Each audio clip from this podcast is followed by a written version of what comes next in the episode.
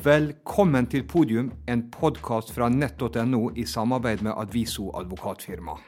Krig i Ukraina, prisstigning og renteøkning, lakseskatt og økt grunnrenteskatt på kraft. Rammebetingelsene endres, og hvordan påvirker det sunnmørsk næringsliv? Det og litt annet skal vi snakke om i dagens podium. Jeg heter Hans Christian Vadseth, og ved siden av meg så sitter medprogramleder Ingvild Vartdal. Og da skal vi selvsagt ta opp eh, tematikken knytta til rammevilkår, som vi hadde på seminaret i dag, der mer enn 200 stykker var samla for å utveksle erfaringer på rammevilkår og hvordan dette påvirker. Og For å diskutere tematikken mer inngående, så har vi med oss dyktige gjester her i studio. Det kan jeg skrive under på. Og til første del av sendinga så er det hyggelig å kunne ønske velkommen to som både har jobba i næringslivet og hatt rolle i politikken. Og Anne Breiby er styreleder i Tafjord Kraft og sitter også i mange andre store styrer. Men hun har også en fortid som politisk rådgiver og statssekretær fra da hun Gro Harlem Brundtland var statsminister i Norge. Ja, og Omtrent samtidig med at Anne var i regjeringsapparatet, så var det en ung finnmarking som kom inn på, som stortingsrepresentant for Fremskrittspartiet. Det er han Tor Mikkel Wara. Han har jobba med kommunikasjonsrådgivning mye av tida etterpå, bl.a. i First House. Men han er også vært justisminister i Solberg-regjeringa. Velkommen til dere to.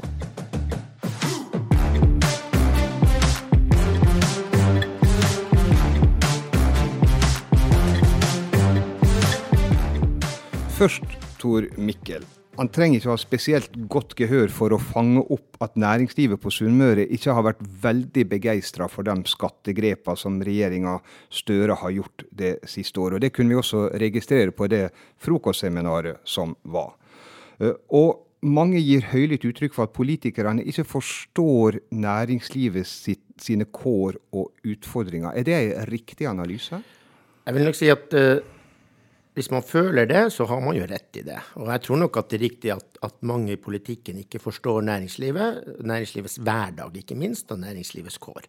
Og så vil jeg legge til at jeg tror kanskje det også gjelder den andre veien. Jeg tror det faktisk er mange i næringslivet som ikke forstår politikerne og politikkens kår og politikkens rammebetingelser eh, som ligger der. Sånn at det som i den grad man skal være bekymret for noe, så er det liksom at næringslivet skjønner mindre av politikk, og, og, politikerne skjønner mindre av næringsliv. At disse to gruppene fjerner seg litt mye for hverandre. Så jeg tror det hadde vært en uh, stor fordel om man skal vi si uh, For å få bort noe av mistenksomheten, så kanskje kunnskapsgrunnlaget om hverandres verden hadde vært en uh, stor styrke. Så man ikke bare blir mistenksom eller skal vi si, nesten kritiserer de andre for ikke skjønne noen ting. For man prøver på begge sider, både på politikk og på næringsliv, så godt man kan. Men er, er dette et konstant gap? Blir det større, blir det mindre? Jeg har vel opplevd at det gapet har eh, økt, eh, og at det kanskje særlig økte eh, den siste året. Og mye av det henger sammen med det som nok næringslivet opplevde som brå endringer. Det har alltid vært endringer i rammebetingelsene for næringslivet. Det har alltid vært endringer i skatt, og skatter har blitt økt. Men det man opplever nå, det var at det var brå endringer på kort tid. Og det er relativt nytt i Norge, uavhengig av hvem som styrer landet. Eh, Tankesmia Civita gjør ved hvert stortingsvalg en kartlegging av bakgrunnen til den folkevalgte. Og I denne stortingsperioden så har 14 bakgrunn fra privat sektor, mens da 86% enten kommer fra offentlig sektor eller kun har hatt betalt arbeid innenfor politisk virksomhet. Anne, gir det grunn til bekymring? Eh, ja, det, det, gjør det. Eh, 14% er veldig mye mindre enn det det private næringslivet står for, både når det gjelder verdiskapning og sysselsetting i Norge. Og det som i tillegg er skjedd, er jo at man har gått fra 36% i 2009 til 14% i 2023. Altså mer enn en halvering i den perioden. Og det er jo sånn at vi kommer, eh, altså når vi kommer, så kommer vi med det vi har av ballast, i form av erfaring, i form av eh, kunnskap, i form av hvem vi som preger oss i samtaler, hvem vi er sammen med. Og, og, det er klart, da betyr det hva slags arbeidsfellesskap vi kommer fra, betyr ganske mye i forhold til hvilke holdninger vi har, i forhold til hvilke interesser vi har. Og jeg synes nok at uh, Altså, politikk handler jo om å skape og dele. Eh, I bunn og grunn så er det det det handler om. Og jeg syns nok det at man er mye mer opptatt av delediskusjonen enn skapediskusjonen, og særlig skapingen i privat næringsliv, og det bekymrer meg stort. Ja, det, det er jeg helt uh, enig i. Uh, jeg tror i et sånt forsøk på å forklare hva som har skjedd, så hvis vi rykker tilbake noen tiår i tiden, så var det jo vanlig for en politiker på Stortinget å ha skal vi si, først hatt en utdannelse og så har vært i jobb noen år. Og så, når du har både arbeidserfaring og utdannelse, så kan man bli folkevalgt og representere noen. Eh, profesjonaliseringen av politikken hvis vi kan kalle det det, medfører at det blir yngre politikere. Eh, og at man ofte kommer rett fra de politiske ungdomsorganisasjonene og, og tar plass på Stortinget. Tidligere så var det jo sånn at man ofte skulle ha ungdomskandidater, for det var litt vanskelig å få ungdom inn på det. Så man måtte liksom nesten prioritere ungdomskandidater. I dag burde man kanskje ha prioritert næringslivskandidater og vært vel så opptatt på det, sånn at det ikke bare blir ungdommer uten, uten arbeidslivserfaring. Mm. Bare for, Jeg har lyst til å følge opp på det, fordi det er det faktisk mulig å gjøre. Og da mener jeg vi må tenke på samme måten rundt rekruttering av næringslivskandidatene. Så vi tenker på all mulig annen rekruttering. Og hvordan gjør vi det? Jo, vi framsnakker, og vi legger til rette. Og vi må, altså Skal vi få gode næringslivsrepresentanter til å stille i politikken, så må vi framsnakke politiske muligheter og politiske kandidater. Akkurat som vi gjør når vi skal ha folk i fiskebåter eller til advokatkontoret eller hvor vi vil ha dem. Og det andre er rammebetingelsene. Og jeg tror det er en utfordring Altså man starter et sted i politikken, det gjør man. Eh, I hvert fall når man ikke da starter som ungdomskandidat. Så starter man gjerne i lokalpolitikken. Og jeg tror nok det er vanskeligere for de som er i næringslivet å kunne ta seg fri for å gå på de politiske møtene lokalt, enn det det er for de offentlige. Og her burde kanskje arbeidsgiverne, men også kanskje burde organisasjonene, NHO og LO sammen gå sammen. Kanskje dette kunne vært en kampsak for den neste lønnsforhandlingen. at man skal skal ha noen spesielle virkemidler for å, for å få de som er ansatte i næringslivet til å, til kunne stille på politiske møter. Og det, Dette er noen gode poeng. og jeg tror at det er ganske mange næringslivsledere, aktører, som vet med seg sjøl at de takker nei til å engasjere seg i lokalpolitikken, av forskjellige grunner. Men det er kanskje aldri så galt ikke godt for noe. For jeg tror at hvis vi er i ferd nå med å se en endring der eh, næringslivet Det har flere som sagt på scenen i dag, at de må ta ansvar. Det vil nok bli litt tid til vi går tilbake til når Næringsforeninga i Ålesund ble etablert for 175 år siden. Så var styret i Næringsforeninga det samme som Ålesund bystyre. Der kommer vi vel ikke. Men eh, mm. Ja, jeg, jeg, håper du har rett i det, og det er viktig at det skjer, faktisk. Jeg, jeg, nå skal jeg spørre dere som jobber i påvirkningsbransjen om noe, for jeg tror nemlig det har skjedd noe annet samtidig. Nemlig at påvirkningsbransjen, eller hva dere nå Kommunikasjonsbransjen Kan, kan, vi, kan vi, kalle det kommunikasjonsbransjen? ja, jeg gjerne gjør det. Gjerne for meg. dere driver nå med det dere driver med. Men uh, den har jo også vokst i fullt monn. Og kanskje den har vokst mer enn det nedgangen i, i eh, eller folk fra næringslivet har blitt redusert i, i, Stortinget. Det vet ikke jeg. Men jeg tror nok at næringslivet til en viss grad har prøvd å kjøpe seg fri fra aktiv deltakelse i politikken. Og det tror jeg ikke er en god idé. Altså Det jeg tror har skjedd, er at man opplever politikken som så komplisert og ugjennomtrengelig at man faktisk trenger hjelp til å forstå den. Ikke til å snakke med politikere, men, men hvis en næringslivsleder tar en stortingsmelding eller en stortingsproposisjon foran seg og ser en debatt, så skjønner de faktisk ikke hva som står der. Og det er fordi at politikken har et språk og er blitt så komplisert og blitt så avansert at man nesten trenger alt på å si, en oversetter. Men den oversettelsen skal gå begge veier. Eh, og Derfor tenker jeg at den bransjen vi representerer, er på mange måter svært viktig. fordi at det vi hjelper eh, næringslivet med, det er å forstå politikerne. De er i en vanskelig og pressa situasjon, dem òg. Og jeg tror det blir bedre for næringslivet å skjønne den situasjonen, samtidig som vi da skal, skal vi si, hjelpe politikerne å forstå næringslivet. Det er sånn at Jo bedre de forstår hverandre, jo bedre samhandling, tror jeg. Men jeg tror at det at denne bransjen er blitt stor, det skyldes at avstanden først var stor. Og så for å forstå hverandre bedre, så trenger de noen som har vært i politikken, og som snakker med politikere. Og Derfor er det veldig ofte nå sånn at, at, en del av disse politikerne jobber i, i store bedrifter eller små bedrifter eller i, i, organisasjoner, og det tror jeg er godt. Og at de gjør, og jeg tror også det er fornuftig at de jobber i, i en kommunikasjonsbransje, fordi vi bidrar til tror jeg, bedre beslutninger med økt kunnskap. Det er, eh, nå snakket vi om stortingsrepresentanter, men det fins jo andre politikere også. Og det, finnes, og det, kan faktisk representere en slags eh, snarvei inn i politikken. Og da snakker jeg om hele apparatet rundt i regjeringen, altså politiske rådgivere og statssekretærer. Og der tror jeg rekrutteringsveien kan være mye kortere hvis man bare jobber på riktig måte. Og jeg er alvorlig bekymret for at det er altfor få statssekretærer og politiske rådgivere i regjeringsapparatet i dag. Altfor få fra Møre og Romsdal. Og, og, det mener jeg at det burde vi kunne gjøre noe med, alle sammen. Og det, og det er viktig, fordi at den, den, kompetansen man da kommer tilbake med, og det, nå snakker jeg jo for så vidt for, for meg selv, som har jobbet i, i, det apparatet noen år, den er veldig nyttig i forhold til å gjøre akkurat det du sier, eh, Tor Mikkel, nemlig å kunne omsette det politiske til det praktiske, og omvendt. Hvis vi legger til grunn at det er faktisk en skjevdeling mellom privat sektor offentlig sektor, og dem som, som bare kommer fra, fra, politikken. Eh, hva er det vi går glipp av når fordelinga er slik? Altså hvis vi skal bruke det gamle Arbeiderpartiet-slagordet om å skape for å dele, så er det klart at hvis du snur det slagordet, altså dvs. Si at det blir en kamp om å dele, og så får man se om man klarer å skape noe etterpå, så, så det en, lager det en økonomisk utfordring for Norge. Vi har hatt gode tider. Eh, vi har hatt, eh, og det skyldes ikke bare oljen, men det skyldes også at vi hadde en veldig produktiv arbeidskraft. Eh, vi hadde alle i arbeid. Vi var tidlig ute med å få kvinnene i arbeid, noe som var veldig viktig for, for denne økonomiske suksessen vi har lagt. Men nå er det mindre fart på skal vi si, arbeidskraften. Og det er dessverre sånn at det gjenspeiler seg også en del andre steder i, i arbeidslivet.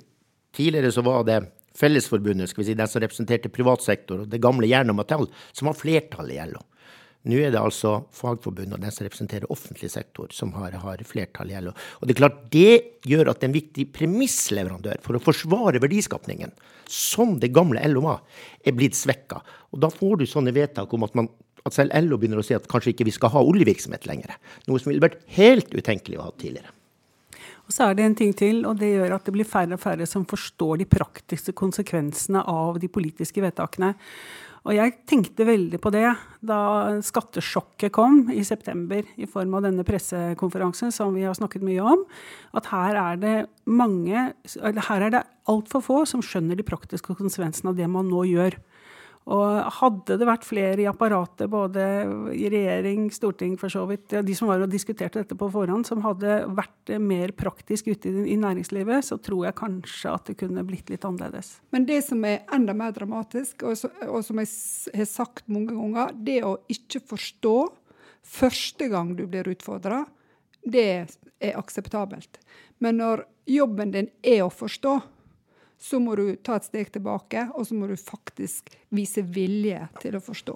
Ja, altså, det, jeg deler det. Og så skal jeg ta ett perspektiv inn her, som bare vil liksom ha det. Og det at debatt Det er jo ikke sånn at skal vi si, politikerne, og nå skal jeg forstå det, påfører de skattene fordi de er slemme. Det er ikke sånn at de vil næringslivet noe ondt. Det er stort sett sånn at de trenger pengene. De trenger pengene. Og så prøver de å finne en måte å gjøre det på. Og så er det sånn at at da er spørsmålet hvilke alternative måter er det å få pengene på, eller kutte utgiftene. Og det er klart at Hvis du ikke vil kutte utgiftene, så blir dette en jakt på skattekroner, som jeg dessverre tror kan, kan medføre eh, feilvedtak. Fordi at det blir en så desperat hurtig jakt at du når egentlig ikke å gjøre det som står i utredningsinstruksen, Utredningsinstruksen er en viktig del av det som, som du lærer i regjering. Det skal være konsekvensutredet. Du skal vite konsekvensene, du skal gjøre det. Og det er bedre å ta seg tid for å vite og overskue konsekvensene før du gjennomfører det. Nå virker det som man liksom jukser litt der. Man skynder seg for mye. Men det er en slags desperasjon etter å få disse pengene på plass. Så, så, så de er et dilemma, dem også.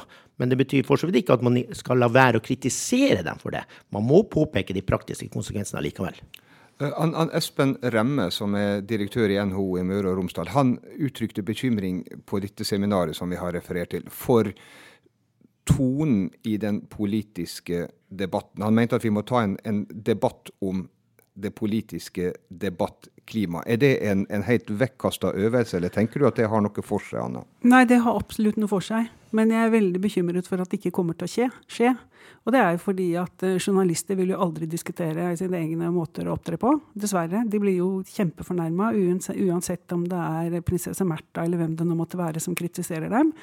Eh, så jeg er redd det ikke skjer. Men det burde vi, og vi burde jo selvfølgelig snakke om, om debattprogrammet på NRK.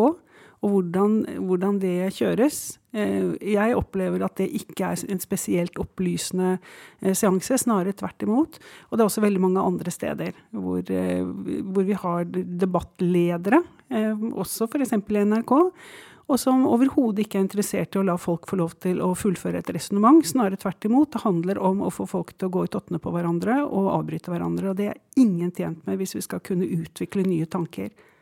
Ja, det, det, det er jeg helt enig i. Og så vil jeg legge til enda en ting til. Og det at dem som representerer næringslivet, kan godt prøve å passe på hverandre.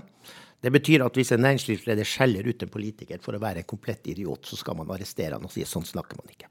På samme måte så bør politikere også reagere hvis en partileder sier de kan ryke og reise. Og sier at den typen debatt ønsker vi ikke å ha. For det er en polarisering av debatten mellom næringsliv og politikk som er bare skadelig, og som er lite opplysende, og som er ganske ødeleggende for, for demokratiets liksom, kunnskapsinnhenting.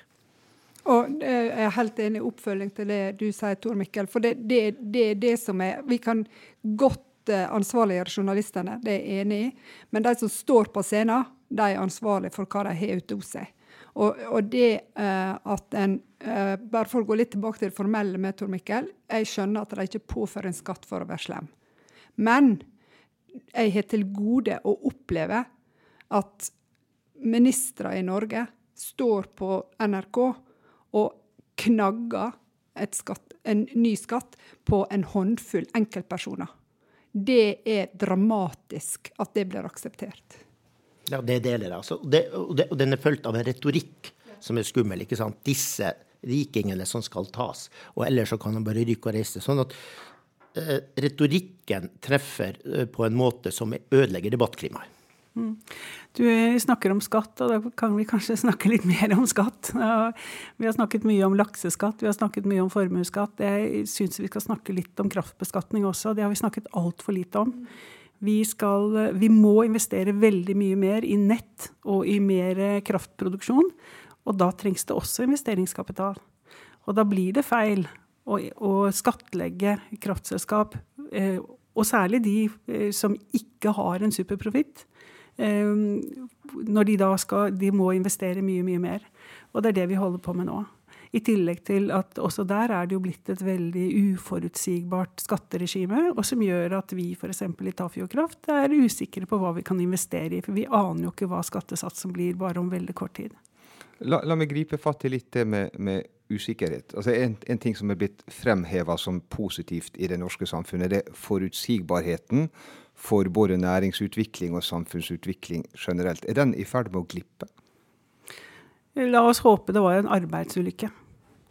Altså, det, det, det, vet jeg ikke. Men det jeg vet, og dette vet jeg helt konkret fra, fra analysene på, på Førstås, det er at vi har flere investorer og investeringsselskaper som ber oss analysere politisk usikkerhet. Altså, ikke, altså Man snakker om at vi driver med lobby, og det, det gjør vi ikke. Eller påvirkningskampanje. Det er vel så viktig at vi lager scenarioer.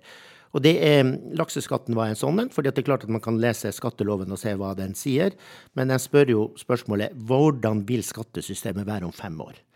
Eh, og det er jo ikke lett å svare på. Eh, men det spørsmålet ser vi er helt det er, det form, spørsmålet er så presist og formulert at vi skjønner at dette er et grunnlag for en investeringsbeslutning som noen skal ta, hvor de ber oss om å, om å beskrive det som sannsynlig, lite sannsynlig og usannsynlig på kort, mellomlang og lang sikt. Og da, er, da, sitter det noen og skal ta en investeringsbeslutning, og de forespørslene har vi fått flere av de siste, siste året.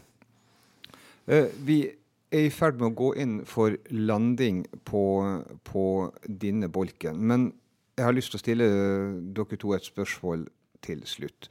Eh, tror dere det er sånn at politikerne, og da mener jeg i regjeringsapparatet, som, som kom med, dette, med, disse skatteforslagene og, og jobba dem gjennom, eh, var de overraska over reaksjonene, og har de lært noe av det, sånn at skatteøkningene vil komme litt mer porsjonert i fremtida? Anne peker på Tor Mikkel, så du skal i hvert fall få lov å svare først mens Anne tenker seg om. Ja, jeg tror at de lærte. Det tror jeg. Og, og, det er klart at protestene som kom, var store og unisone. Det betyr ikke at protestene når frem i denne omgang, men at de ligger der som en læring, læring. Det er helt sikkert. Og jeg tror også det at det ble et så og, her, og her, dette er sånn generelt viktig, Det at distriktene engasjerte seg så tydelig, det har en politisk eh, påvirkning. Og det at det også i stor grad var arbeidsgivere og arbeidstagere som sto sammen veldig ofte og sa at sånn kan vi faktisk ikke ha det. Så jeg tror de har lært. Jeg, jeg håper og tror at ikke vi får slike skattesjokk i fremtiden. Anne, vil du supplere? Nei, jeg, jeg, tror jo også det. Vi la oss håpe at vi lærer av eh, våre feil. Jeg mener det var en feil å gå ut på den måten. Og så kan man jo kanskje tenke da at eh, dette gjorde at her jobber arbeidsgivere og arbeidstakere seg sammen om en del viktige ting, og en viktig forståelse rundt eh, det å skape. Og at vi da kanskje kan kapitalisere på det i framtiden. Vi skal uh, gjøre et scenebytte nå. Tor Mikkel han skal rekke et fly og trippa litt for det, så han snikes ut. Og Anne skal sikkert ut og skaffe mer strøm til Sunnmøre. Tusen takk til dere to. Uh, og mens to nye gjester nå inntar stolen, så skal vi bytte tema. Vi skal til investormarkedet og se hva endringer i rammebetingelser har hatt å si der. Og Da ønsker vi velkommen Jan Petter Hagen fra Converto og Ivan Alve fra Saga Corporate Finance. Eh, det er veldig mange sunnmørsbedrifter som kjenner disse to som rådgivere i forbindelse med kapitalinnhenting og kjøp og salg av virksomheter. Og da spør jeg deg, Jan Petter. Den delen av investormarkedet som dere i Converto jobber med, har det endra seg de siste åra? Ja, det har eh, endra seg eh, en hel del. Tidligere så hadde vi litt større investorer. Nå er det mindre investorer. Og det er klart de endringene vi har sett eh, globalt og nasjonalt, de har påvirka investeringslysta en hel del. Eh, så er det jo litt sånn at hvis du ser på antall transaksjoner, eh, så er jo det relativt konstant både nasjonalt og internasjonalt. Og vi opplever jo det som relativt konstant her også. Og Grunnen til det er jo at det er mange grunner til at du velger å selge en bedrift. Det kan være et generasjonsskifte. Det kan være at du ønsker å få kapital inn, selge dem litt ned, eh, få mer eh, penger inn i bedrifter til å vokse. Og det kan også være at vi tross alt har et fantastisk spennende næringsliv på Sunnmøre som tiltrekker seg investorer. Og så har du andre sida, det er oppkjøpssida. Hvorfor kjøpe bedrifter bedrifter? Det kan være eh, helt kynisk. Altså, jeg ønsker å ta livet av en konkurrent. Jeg ønsker en spesiell teknologi. Eller jeg ønsker å vokse veldig, veldig fort. Ivan, dere jobber hovedsakelig i prosesser der bedrifter skal kjøpes eller selges, ofte med PE-fond på, på kjøpersida.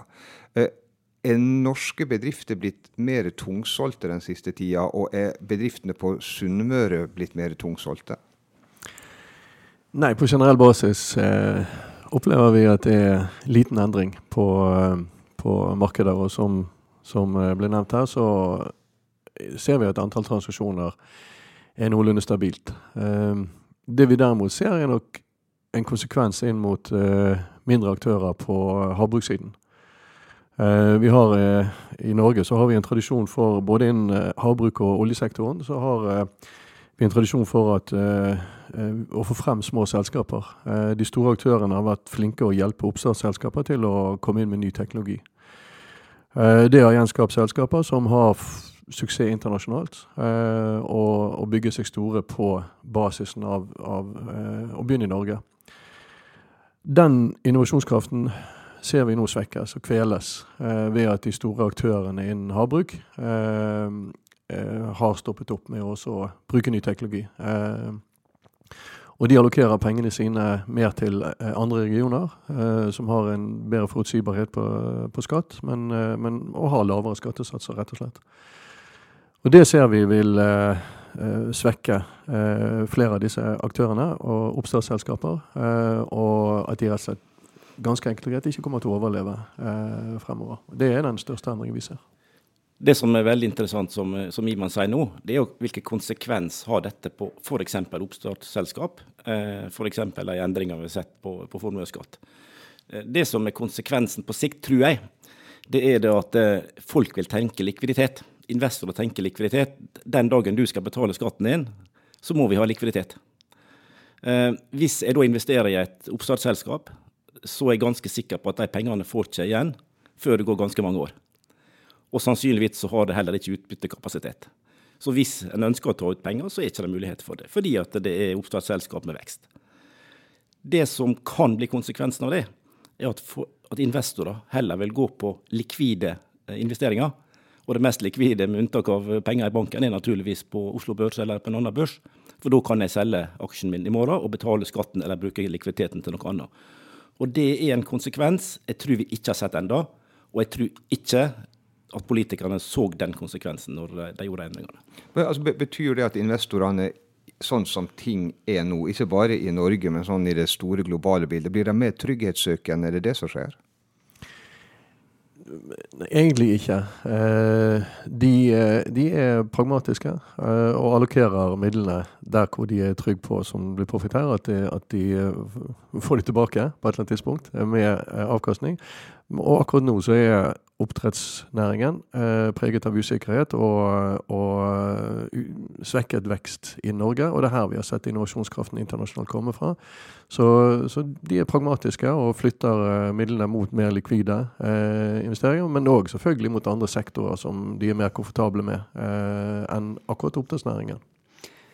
Jeg vil følge litt opp det akkurat konkret som du sa, Jan Petter. For jeg har snakka med flere forvaltere, altså formuesforvaltere, som bekrefter det du sier. At eh, i år så er den fått en større etterspørsel hos kundene sine etter realisering for å generere likvid, eh, likviditet for å betale skatt. Eh, og det er da aktører som egentlig har plassert langsiktig og har styrt likviditetstilførselen sin på andre måter, og det har gått rundt. Men det begynte å, det begynte å tilkjennegi seg, men da kanskje først og fremst hos de som, der du kan begynne å generere likviditet allerede. Klart Oppstartsselskap vil lide under det, det kan ikke det være tvil om. Nei, og det, det, det ser vi allerede. At, eh, vi ser iallfall det, at det er vanskeligere å få penger til oppstartsselskap. Og Det er jo en konsekvens av det vi har sett eh, nå. Det er klart at det, Spesielt i usikre tider så tenker folk likviditet uansett. Ikke både sånn avkastningsmessig, men det å ha pengene tilgjengelig. Eh, så, så, jeg tror vi har fått to effekter nå. Det ene er risikobildet, altså du ønsker likviditet av den grunn, pluss det at du har den skattebelastninga på arbeidende kapital. Uh, Ivan, litt tidligere i denne podkasten nevnte han Tor Mikkel litt med at det kommer stadig flere henvendelser fra utenlandske potensielle investorer som vurderer å, å gjøre ting i Norge. Oppkjøp eller hva som helst. Eh, men at de kvir seg pga. den politiske usikkerheten. Er det noe som, som, du kan kjenne igjen? Ja, vi har sett det. Eh, ikke ikke med stor tyngde, men, men, vi har observert det. Tidligere så har Norge vært sett på som et eh, ja, det er høy skatt, men det er forutsigbarhet, det er stabilitet, det er et godt sikkerhetsnettverk eh, for, eh, for hvis det er oppsigelser. Vi ser sydover i Europa så har det vært et problem med selskaper som skal selges, at man har frykt for nedskalering. Hvis det skal bli nedskalering av virksomheten, så, så har du si, mange års lønn du må betale til ansatte som du må skalere ned. Mens i Norge så, så, så er det et mer effektivt system fordi at det er et sikkerhetsnett eh, offentlig som fungerer veldig bra. Så Sånn sett så har Norge vært sett på som et stabilt sted å, å investere, og, og et foretrukket sted å investere. Det har jo endret seg, logisk nok. Eh, vi har ikke sett de dramatiske effektene, men vi kjenner til at det er eh, aktører internasjonalt som, som aktivt nå har bestemt seg for å ikke investere i Norge eh, pga. den usikkerheten og ustabiliteten. Og En annen side av det er nå at vi har nå internasjonale selskap med datterselskap i Norge. Og vi ser at det søkes kunnskap om hvordan vi ser på forutsigbarheten framover. Eh, også om vi tror at det, når en bare får avklart denne lakseskatten, om en tror da at det fortsatt vil være bråbrems, eller en vil se at det da løsner litt opp. Og det går ganske enkelt på at en sitter på hovedkontoret i et eller annet europeisk eller annet internasjonalt land, og vurderer hva land er det en skal satse mer eller mindre på. Så det å ha en konsernavklaring på hvordan forutsetningene er for videre satsing i Norge, det er et element som vi ser allerede nå. Jeg har eh, bakgrunn fra ledelsen i internasjonale selskap, så dette, dette vet vi jo. Eh, og, og, det er jo samme når vi gjør investeringsbeslutninger, så tenker vi jo helt som et hovedkontor i England eller i Paris. Mm. Mekanismene er akkurat de samme. Og jeg har også gjort oppkjøp ute, og vi har tenkt akkurat på samme måten. Så det, å, det at vi er blitt et land som, der det blir stilt spørsmål ved forutsigbarhet, det er jo helt merkelig. Det er jo helt merkelig historisk. Og Hvis du kan gå tilbake i hvert fall de siste 30-40 åra, så kan du si mye rart om, om Norge, sikkerhet, men forutsigbart, det har det vært. Eh, jeg har lyst til å gripe fatt i en ting som, som du sa, Jan Petter, på, på, det seminaret som har vært.